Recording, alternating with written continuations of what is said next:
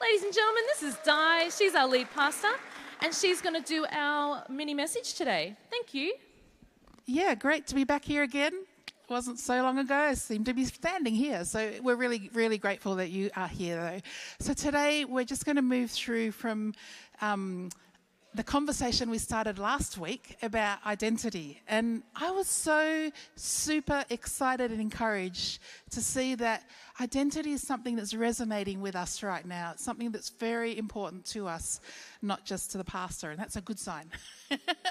and so we're going to have a few weeks of just hearing from that. You're going to hear from Phil and Kath as well during February. They're going to come and be speaking and sharing on Sundays, which will be great. But for today, if you weren't around last week, a quick recap. We looked at um, Jesus receiving God's view of him in his baptism, and you'll see that on the screen hopefully in a moment, where we all know in Mark 1, we read that Jesus heard a voice that came from heaven declaring, You are my beloved Son, and with you I am well pleased. Let's just read that together after I say one, two, three. Really loud voice, okay? Let's let's read that and hear those words out loud out of your own mouth. One, two, three. You are my beloved son. With you I am well pleased. Let's say it one more time, a bit louder.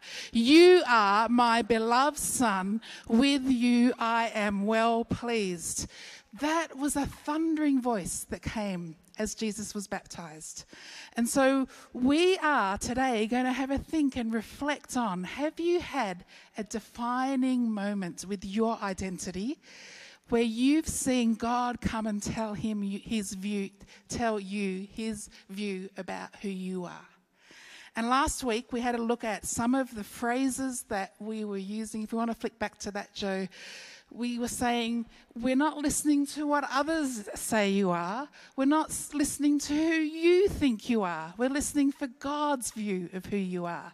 And the one before that, you are who He says you are. This is what we were looking at last week. And the final one is, I am who He says we are. I am.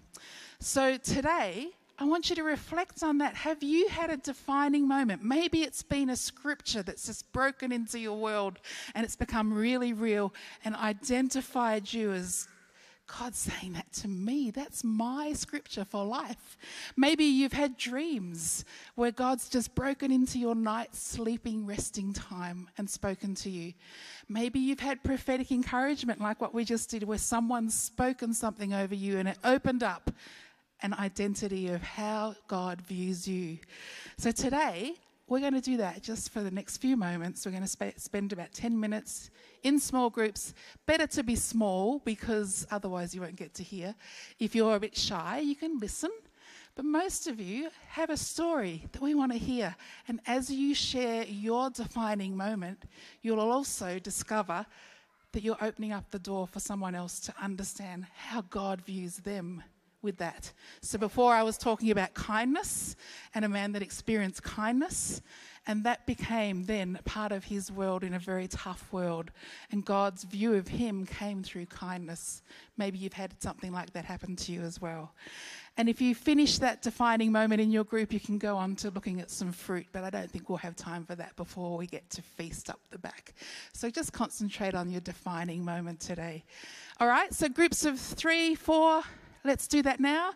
Maybe if you've come with someone, you might want to join a different group because you might know their story already. Or you might actually want to stay there. Is that what's going on over there? Let's get into groups. You can move your chairs around, and I'll be back shortly to finish us up with this focus time. What's a defining moment for you?